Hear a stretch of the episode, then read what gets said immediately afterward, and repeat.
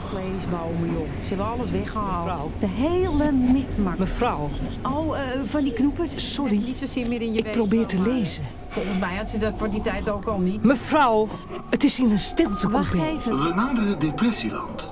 Denkt u bij het verlaten van de trein aan uw medicijnen? Nee, daar ga je met je stiltecoupé. Mevrouw, is het nou zo moeilijk om even stil te zijn? Voor jou blijkbaar wel.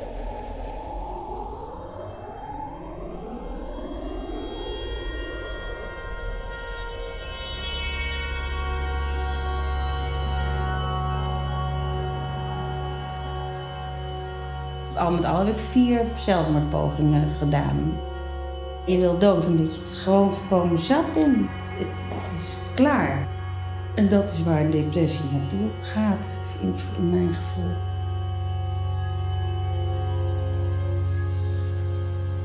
Inherent aan het hebben van een depressie is het hebben van negatieve gedachten. Dat je voortdurend aan het piekeren bent. Dat je voortdurend alleen maar negatieve gedachten hebt. Ik heb eigenlijk zelf nog nooit iemand gezien met een depressie die daar geen last van heeft. Ik heb wel gezien dat men zich daar niet helemaal bewust van is. Of dat men het heel erg afhoudt en daar eigenlijk niet bij stil durft te zijn. Want het is heel angstopwekkend om zo negatief te denken. Om echt overtuigd te zijn dat je niks kan.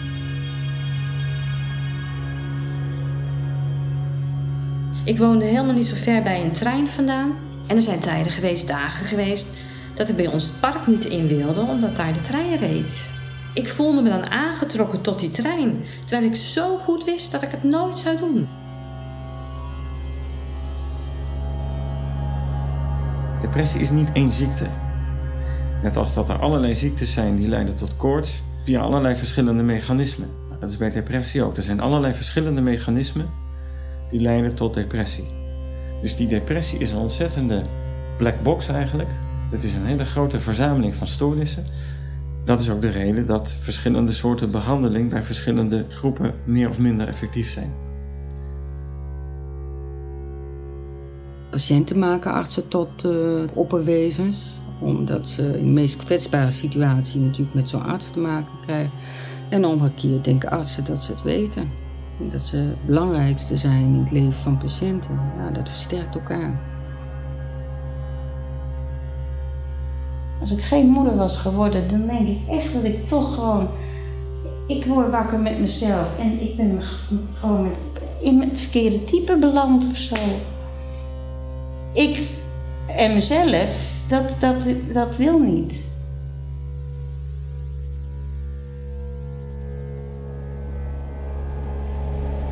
Ja, dat loopt dan een beetje snel. Er moet nu... Maar nu eerst onze quiz. Er zit even iemand doorheen te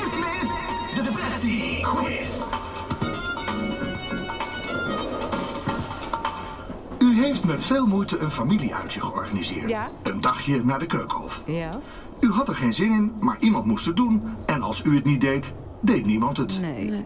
Helaas, het familiedagje valt in het water. Ja. Het regent voortdurend. Oh. Dus u denkt... A. Zie je wel, als ik iets organiseer, dan regent het. B. Ik kan ook niks, zelfs geen simpel dagje uit organiseren. Of denkt u C. Ik kan maar beter niks meer organiseren, want dat mislukt toch. Ja. Ja. A, B of C? Ja. A, B en C? Ja. A en B, Ja. A en C. Ja. Niet zo moeilijk lijkt me, maar misschien voor u wel. Nou ja, Sst, laat me denken. Aan het einde van de dag gaat de familie samen eten. Ja. U gaat niet mee, Nee. want u denkt...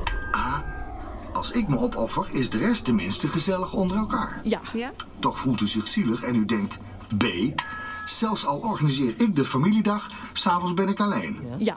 Eenmaal thuis gaat u onder de douche staan met uw kleren nog aan. Ja. Logisch, want u denkt... C, of het nou regent of ik sta onder de douche, nat word ik toch. Ja. Ja. En u denkt natuurlijk ook...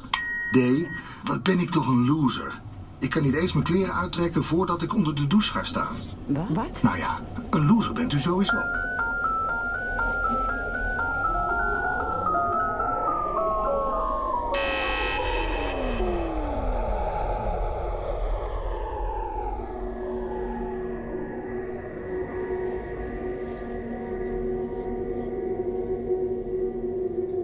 Op mijn zevende was ik me er al van bewust dat ik een overheersend treurig gevoel had. Weinig kon genieten van dingen waar andere mensen uh, wel lol hadden in, in bepaalde zaken, in samen zijn of, of naar iets toe of school.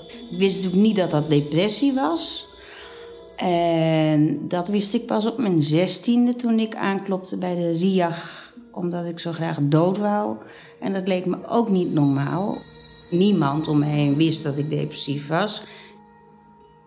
En ik had het, ben heel slim, dus ik had verzonnen dat ik, omdat ik in een bandje zong en mijn eigen geld kon verdienen, en dat school toch niks meer zou opleveren of niet meer zou gaan, dat ik wel van school af kon.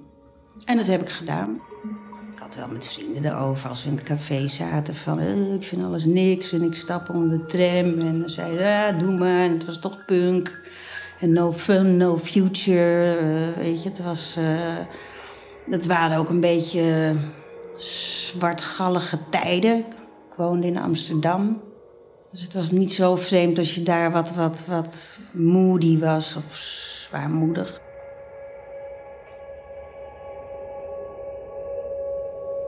Van de ene op de andere dag ben ik zwaar depressief geworden.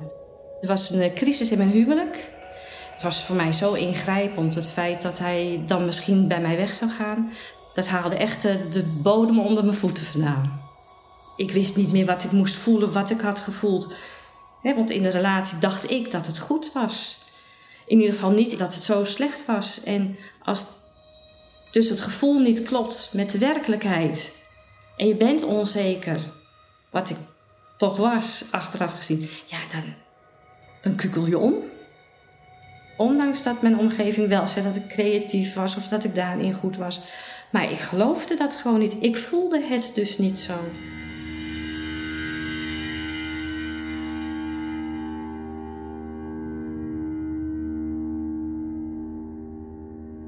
Wat is nou depressie? De hele dag in je bed willen liggen, niet naar buiten willen, als je buiten bent, heb, lijkt het alsof je een bril op hebt, waardoor je elke uh, hondendrol ziet, elk lelijk mens ziet. Het weer is flut.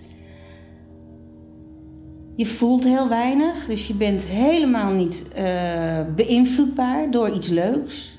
Lekker eten maakt niet uit. Gezellige mensen om je heen, nee, want je, wil nie, je vertrouwt niemand, je wil niemand om je heen hebben, want je bent leeg, je bent een zombie, je bent een. Uh, en dat gaat van dag tot dag wordt dat erger. En ja, in mijn geval heb ik de, de, de mazzel dat ik dus ontzettend goed kan slapen. Dat is mijn redding. Ik slaap. En dat doe ik nog. Ik bedoel, ik ga zo meteen. Eh, als ik inzak, zeg maar, dan ga ik naar boven en dan ga ik een boekje lezen. Ik lees heel veel Maigret. Dat is ook erg eh, vrolijke literatuur. Maar dat is helemaal zoals ik het leven zie zonder roze bril.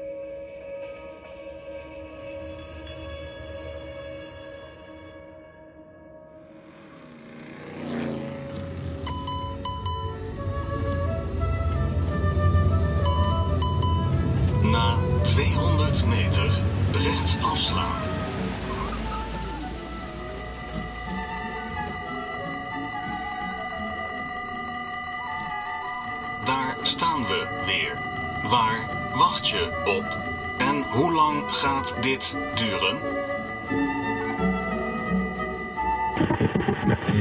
Dat zijn Wetenschappelijk crosscultureel onderzoek toont aan dat symptomen van depressie wereldwijd voorkomen. Alleen in de westerse cultuur krijgen deze symptomen een psychologische invulling. Bijvoorbeeld schuldgevoel. Ik ben een slechte moeder. De psychiatrie heeft... Schuldgevoel? Konden ze daar maar mee ophouden? Rechtdoor hier. Een patiënt zal uit zijn omgeving vaak opmerkingen krijgen variërend van... stel je niet aan tot zet je er overheen. En doe gewoon alsof er niets aan de hand is. Iemand die aan een depressie lijdt, zal zo de indruk krijgen dat zijn probleem niet serieus genomen wordt. Rechts afslaan. Met als gevolg dat zijn situatie eerder verergert dan verbetert. Angst, wanhoop en apathie wisselen elkaar af. De ziekte van de eenzaamheid. Maar die eenzaamheid kunnen we niet voor onze patiënten oplossen. Daardoor raken ze misschien wel eens teleurgesteld in de behandeling. Wat denk je dat hier de maximumsnelheid is? Sommige onderzoekers zien een patiënt als een brein met gestoorde neurotransmittersystemen dat je in een scanner moet zien te krijgen. Of aan de pillen. Dat is natuurlijk flauwekul. Zo ziet geen enkele psychiater zijn patiënten. Dan houden we ons vak echt niet vol. Andere onderzoekers vragen zich af hoe genen het brein beïnvloeden en psychosen ontstaan. Maar patiënten zien juist een verband met bepaalde trauma's in hun leven. Zij stellen dat sociale factoren een grote rol spelen bij het ontstaan en verloop van hun stoornissen. Ja, maar wat doe je daaraan? Ze moeten toch eerst van die symptomen af. Over 100 meter bestemming bereikt. Vergeet nou niet weer je lezing nieuwe inzichten met betrekking tot het voorschrijven van antidepressiva mee te nemen.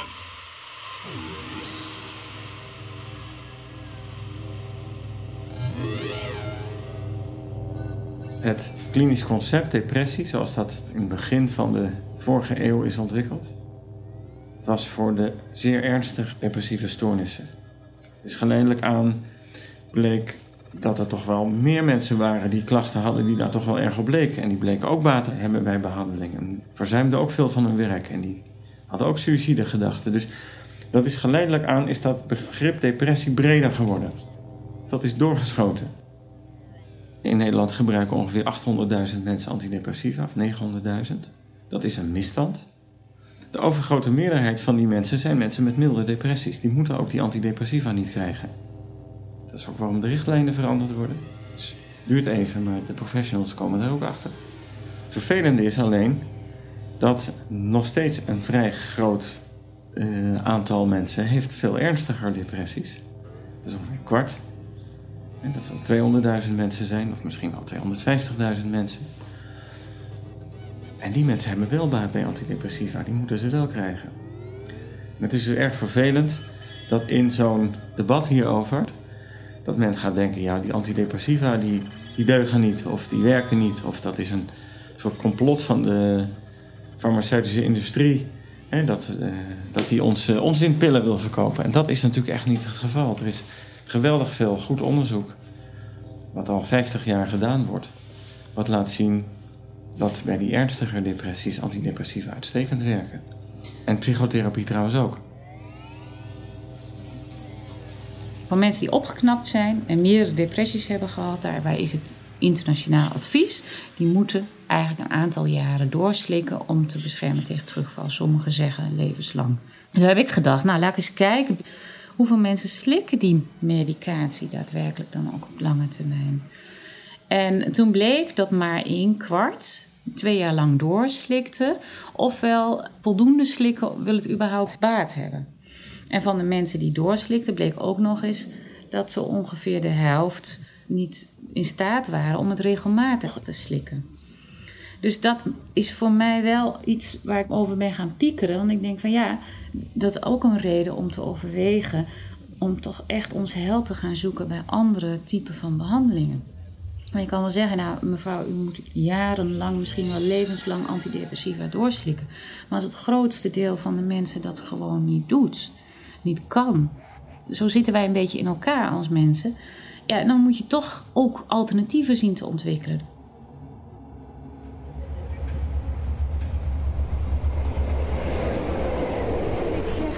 Tegen de, dat ze op moet passen met die medicijnen. Want je kan er niet zomaar mee ophouden als je er even geen zin meer in hebt. Dat weet toch iedereen? Mevrouw. Oh, wacht heel even. Er begint weer iemand doorheen te zeuren. Pardon? Depressieve mensen zijn geen gezellige mensen. Hoor je het ook eens van een ander? Ze zeuren, ze huilen en ze hebben nergens lol in. Ze willen aandacht en ze zoeken ruzie. U kent dan ook ons reisadvies. Zoek een lege coupé. Na u. Ga zelf. Denk er niet over. Jij moet niet denken. Daar ga je alleen maar van praten. Ze worden niet begrepen. Een depressie is ook moeilijk te begrijpen. Ik ben niet depressief. Medeleven, afleiding en troost baten doorgaans niet. Kunnen we nu verder? Ik ben zover. Al lang. Als u 's ochtends wakker wordt, denkt u... A. Hoezo is het ochtend? Ik heb nog niet geslapen. Ja, ja. B. Oh, wat stom. Ben ik gisteravond mijn pillen vergeten. En mijn gesprekstherapie, is die nou vandaag? Nee, ik heb vanmiddag mindfulness. Nee, hardlooptherapie geloof ik. Ja. Maar dan heb ik weer geen tijd voor mijn internettherapie. Nee. En als ik vandaag niet naar de repetitieve transcraniale magnetische stimulatie ga... dan? Nou, dan kan ik er wel mee ophouden. Ja, oké. Of denkt u, C, ochtend, moet ik zeker opstaan? Oh. Ik kan veel beter in bed blijven, dan weet ik tenminste zeker dat ik me niet beter ga voelen.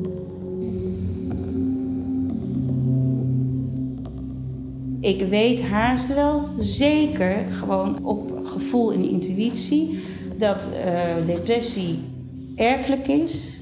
En gewoon uit de praktijk naar mijn beide ouders toe, naar hun beide ouders toe en zelfs nog verder terug. Zie ik overal, zie ik zwaarmoedigheid, laat ik het zo zeggen. Mijn moeder voelde zich niet, niet lekker in haar vel zitten. Ze was gewoon niet gelukkig met haar gezin. Ze had gewoon veel meer in, meer in haar mars dan een gezin runnen. En ze is toen op een gegeven moment ook gaan werken. En toen bloeide ze ook helemaal op. Mijn moeder is ook eh, langdurig opgenomen geweest. Een beetje met vage klachten.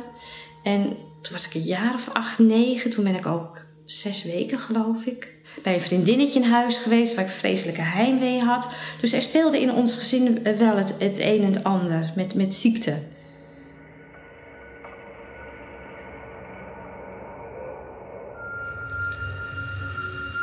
Weet je, er was erg veel stress. En ik denk dat stress op jonge leeftijd ook een enorme depressie uh, aantrekker is.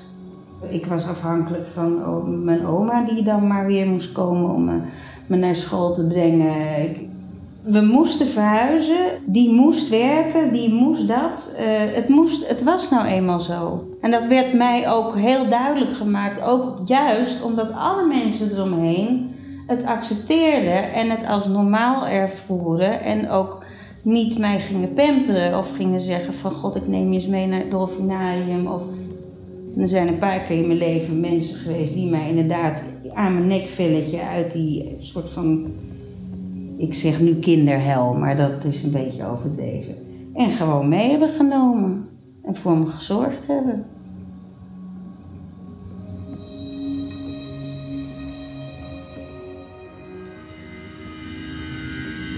Voor de kinderen was het natuurlijk een, een rampentijd. Toch een moeder die, die teruggetrokken was. Ik zie het altijd maar als een dier wat, wat pijn heeft. Die trekt zich ook in zichzelf terug. En wat dat betreft staat de mens dan heel dicht blijkbaar bij de natuur. Want je trekt je in, je, in jezelf terug.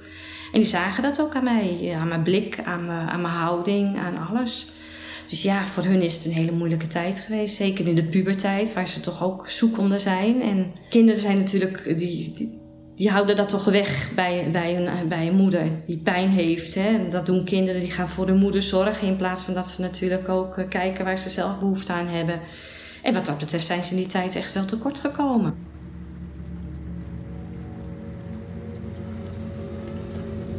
Staan we weer. Waar wacht je op? En hoe lang gaat dit duren?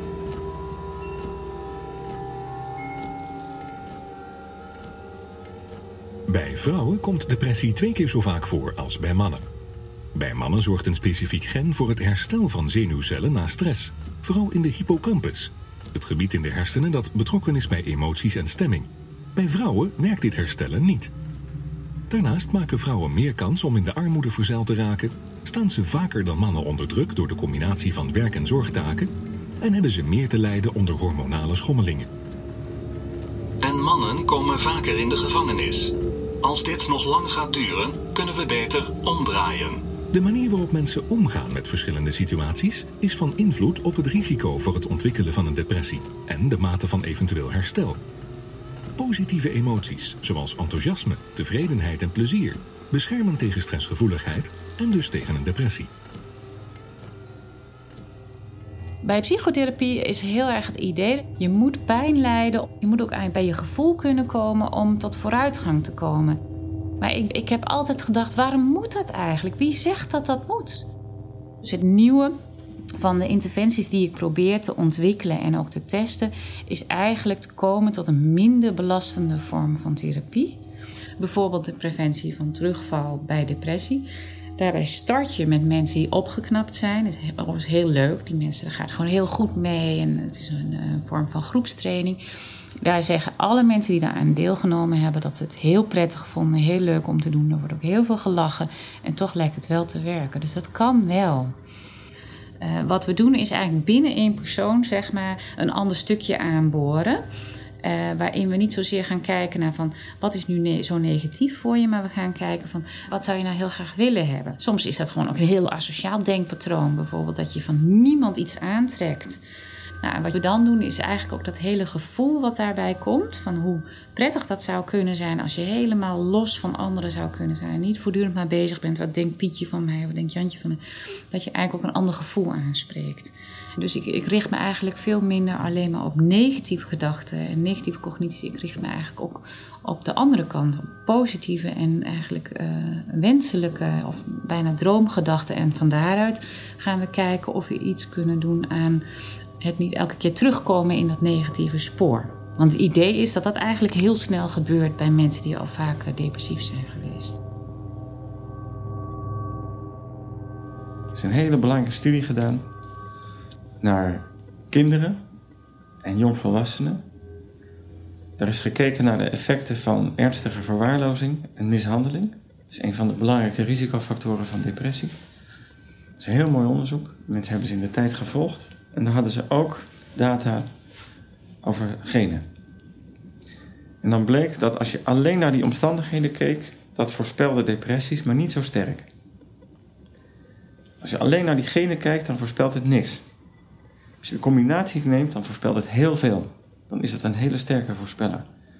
Dus de combinatie van een kwetsbaar genetisch profiel met daarbij blootstelling aan een hele ernstige risicofactor, bijvoorbeeld mishandeling of seksueel misbruik. Die combinatie is een hele sterke voorspeller. Maar als je genetisch niet kwetsbaar bent, dan doet die mishandeling doet nog steeds wat, maar die doet veel minder. En als je alleen dat kwetsbare gen hebt, maar je groeit op in een hele prettige omgeving, dan word je niet depressief. En dat is ten eerste wetenschappelijk heel belangrijk. Maar het is ook voor de praktijk heel belangrijk. Want het is ook een, eigenlijk een optimistische uitkomst. Dat betekent dat als je aan de kwetsbaarheid van mensen iets kan doen, dat je ze misschien geweldig goed kan helpen. En dat je ook iets aan preventie kan doen.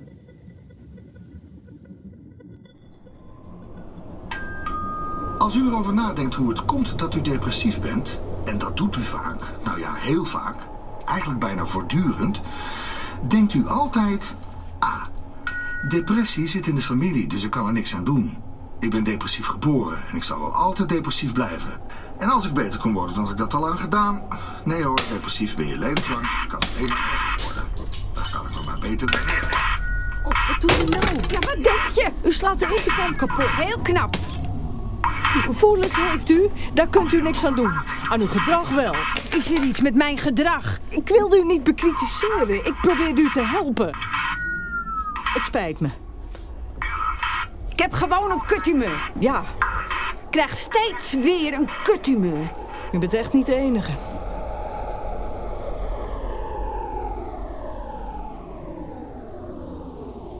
Ik ben niet bang dat ik ooit weer een depressie zal krijgen. Terugvalletjes heb je altijd en ik pieker dan wat meer, maar ik kom er elke keer weer uit. En als je die ervaring maar hebt in de loop van de tijd, steeds positieve ervaringen, dan maakt je dat alleen maar sterker. Dat had ik ook niet kort na de therapie. Toen dacht ik van nou, ik ben klaar met de therapie en uh, nou ja, het zal. want in die tussentijd ben ik dan gescheiden. Nou, dat was natuurlijk toch heel heftig. Juist dat waar ik zo bang voor was, waar mijn uh, zware depressie door ontstond, dat gebeurde alsnog. En het feit dat ik toen niet onderuit ben gegaan, dat is een bewijs dat ik sterk genoeg ben om bepaalde dingen nu wel te kunnen wel de regie te houden. Ik ben echt een ander mens geworden dan voor mijn depressie. Voor de depressie leef je en je hebt, hè, ik had alles, we hadden het goed en de kinderen waren allemaal gezond en een man en een baan. En het kon allemaal niet op. En toch miste er ergens iets. En dat gemis, dat is iets wat ik na mijn depressie niet meer ken. Omdat ik gewoon me compleet voel. Dus gelukkig voel.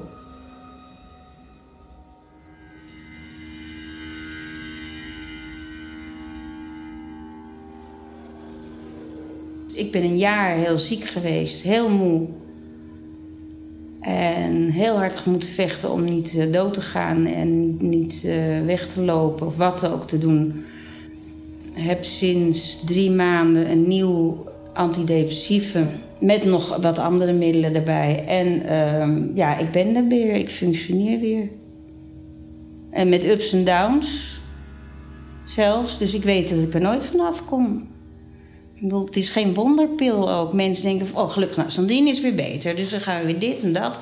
Nee, Sandrine is niet beter. Die wordt nooit meer beter, denk ik. Die mag blij zijn met wat ze heeft. Het is overleven. Nou, waar, waar andere mensen leven, ben ik aan het overleven.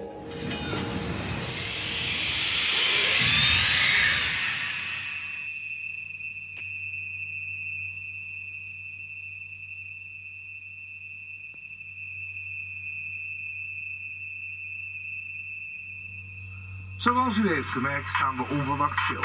Er is sprake van een aanrijding van een persoon met een trein.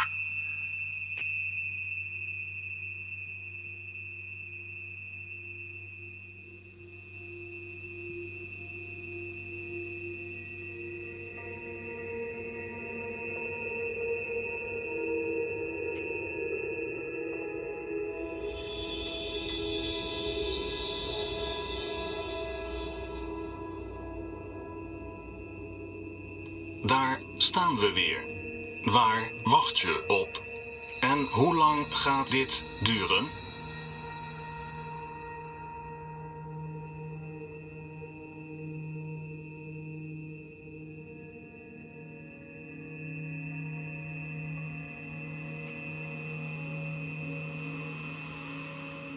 Depressie is een van de grootste risicofactoren voor suïcide. Per jaar overlijden 1000 mannen en 500 vrouwen door zelfmoord en doen 90.000 mensen een zelfmoordpoging. In de maand voorafgaand aan de suïcide of suïcidepoging heeft ruim de helft van de patiënten nog contact met de huisarts. Maar met slechts 7% van deze patiënten voerde de huisarts een gesprek over een suïcidale gedachte. Huisartsen zouden vaker het initiatief moeten nemen om over suïcidale gedachten te praten. Zo'n gesprek drijft niet tot zelfmoord en kan bevrijdend werken. Zo denken huisartsen niet. Zo denken leken. Iemand op een idee brengen. Maar het zijn geen makkelijke onderwerpen voor niemand.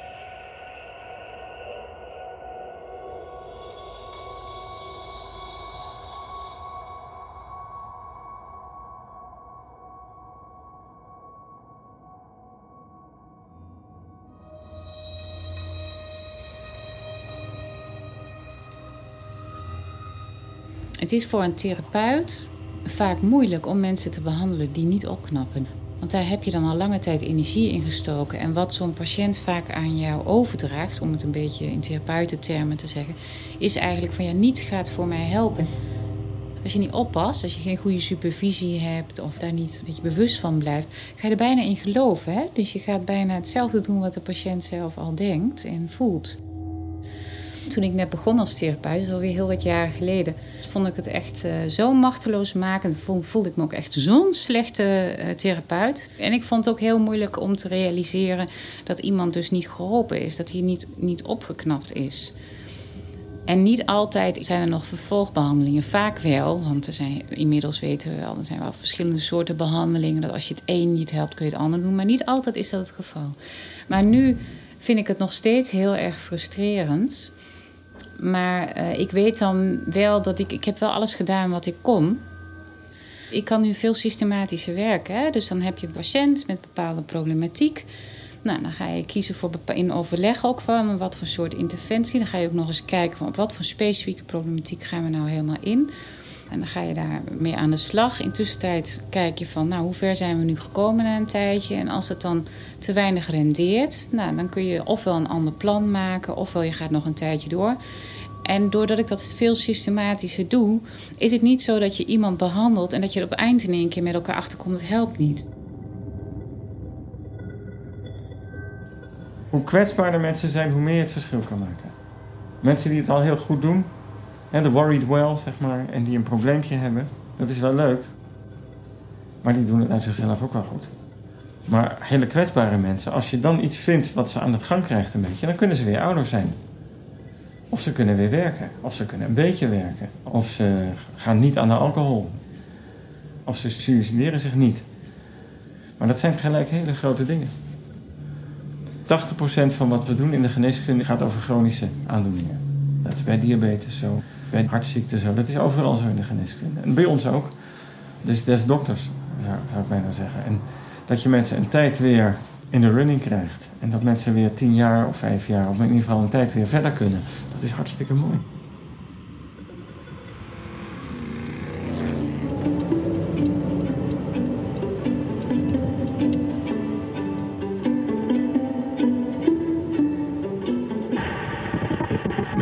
Psychiatrie heeft steeds vaker ex-patiënten op de loonlijst staan. Deze ervaringsdeskundigen kunnen beter invoelen wat de patiënten doormaken en een brug slaan tussen patiënten en begeleiders, zo is de verwachting. Ervaringsdeskundige ben je niet alleen op grond van je eigen ervaring. Het betekent dat je in staat bent je eigen ervaringen te overstijgen. Dat je kunt luisteren naar de verhalen van anderen met psychische handicaps, erop kunt reflecteren en ze kunt integreren in een collectief kennisarsenaal. Dat je gevoelig bent voor machtsverhoudingen en dwingende sociale structuren. Ma- ma- machtsverhoudingen? Machtsverhoudingen? Soms denken we wel eens dat, dat, dat, hoe zal ik het noemen? Dat dat kritische van die patiënten iets te maken zou kunnen hebben met het ziektebeeld. Maar dat houden we liever voor ons. Wilma Boevink, onderzoeker en lector ervaringsdeskundigheid, is hier bij ons in de studio. Wilma, hoe stel je dat voor, ervaringsdeskundigheid bij een therapie? Uh, ik denk niet dat je in een individuele relatie je nou meteen als ervaringsdeskundige moet opstellen. Het gaat erom dat we meer op metaniveau uh, invloed uitoefenen. Mm-hmm. Bijvoorbeeld visie op wat er aan de hand is. Of uh, een ziektemodel inruilen voor een herstelmodel. Uh, gericht op uh, mogelijkheden. Maar het kan ook de zorgorganisatie betreffen. Attitudebejegening. Medicatiebeleid. Mm-hmm. Het vaststellen van kwaliteitscriteria of uitkomstindicatoren op alle niveaus. Uh, kan ervaringsdeskundigheid in het zorgaanbod uh, belangrijk zijn. Zelfs als het gaat om het opzetten en ontwikkelen, uitvoeren van onderzoek. Uh, Oké, okay. en kan je daar een voorbeeld van geven uit de praktijk? dat we een studiedag organiseerden. Ja. En dat was voor een paar instellingen. En we hadden de, de eis aan onszelf en aan de instellingen opgelegd de helft patiënten, de helft hulpverleners in het publiek. En het ook zodanig dat het georganiseerd werd. Dat patiënten dus niet maar moesten zien hoe ze op de plek van bestemming kwamen. Maar dat het dus de mensen met de auto's, veelal de hulpverleners, nemen de mensen zonder auto's mee. Mm-hmm. Wat mij erg ontroerde was het feit dat daar vatte de, een van de hulpverleners de moed op om te vertellen over de tijden waarin hij zich erg rot voelde. En dat hij dan veel ook gewoon toegaf s'avonds na het werk aan dat hij moest huilen. En hij was alleen, dus hij werd niet getroost door iemand anders, maar dan met muziek en uh, zichzelf een beetje verwennen. En, uh, en er zat een uh, meneer naast hem, iemand die echt zo van een chronische afdeling kwam. Nou, die man die viel van zijn van verbazing over dat een hulpverlener ook zoiets zou kunnen hebben. Omdat hij in de chronische psychiatrie alleen, daar maakt hij de wereld verdeeld in tweeën mee. Je hebt patiënten, die zijn zwak. Je hebt hulpverleners en die weten alles en die hebben nooit wat. Want op hun werk horen ze zo te zijn. En dat werd daar doorbroken. Dat zijn voor mij voorbeelden van hoe je de kloof kunt dichten.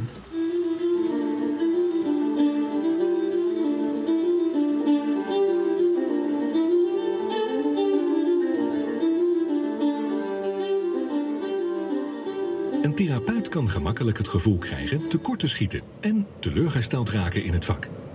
Hoe om te gaan met de eigen gevoelens van beperktheid en machteloosheid. Dat leren we tijdens de opleiding. En rij niet zo hard. Het suïcidepercentage in de beroepsgroep van psychiaters, artsen in het algemeen en verpleegkundigen is hoger dan in iedere andere beroepsgroep. Ga hier nou maar naar rechts. Naar rechts, zei ik. Naar rechts. Probeer om te keren. Probeer om te keren. Dan niet. Vooral niet luisteren. Wie weet hier nou de weg? Ik. jij of ik. Of, of ik, jij, jij, jij, jij, of, of, jij of ik, jij of ik.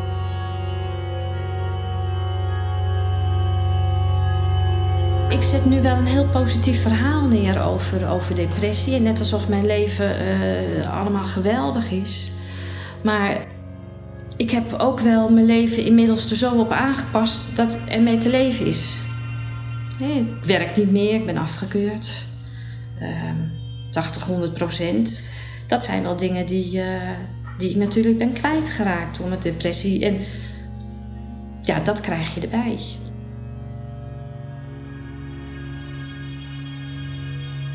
Wat je nou zo heel graag wil, is dat als je begint aan een behandeling, dat je weet van deze mens heeft het meest baat bij psychotherapie. Bij deze mens moet ik die soort medicatie geven. Bij deze mens kan ik misschien niks doen. Dat is ook belangrijk om dat te weten. Bij deze mens moet ik levenslang behandelen. Deze mens moet terug naar de huisarts. Die kan door een eerste lijnspsycholoog heel goed behandeld worden.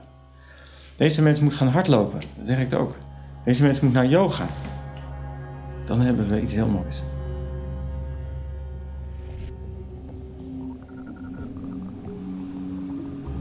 Bent u wel eens blij met uzelf? Blij. Dat u kijkt naar wat er nog wel goed gaat. Gaat er iets goed dan?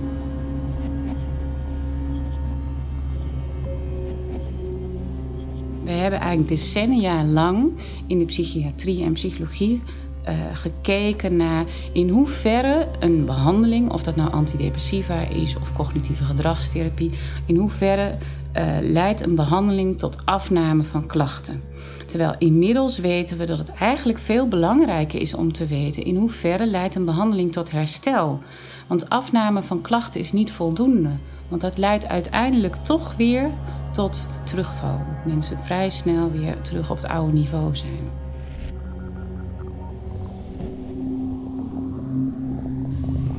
Bent u tevreden met wat u doet en wie u bent? Hoe bedoelt u? Niet van die hoge eisen stellen aan uzelf. En ook niet aan anderen. Anderen? Welke anderen?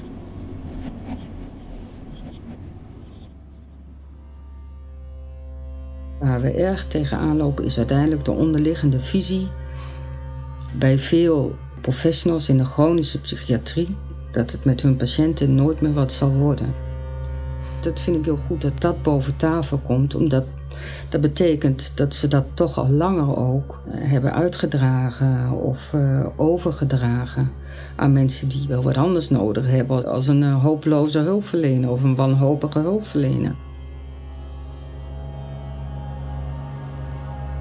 Ik heb voor het eerst van mijn leven een hondje genomen. Omdat ik wist, ik moet nu oplossingen gaan verzinnen om naar buiten te komen. En ik zie het leven door de ogen van dat hondje. Dat is toevallig een klein hondje nog, een jong hondje. Die vindt alles enig. Dus ik hoef zelf niet te genieten, want dat kan ik niet. Dat, moet ik, dat heb ik nu geaccepteerd. Maar dan geniet ik mee. Ik ben niet meer zo depressief.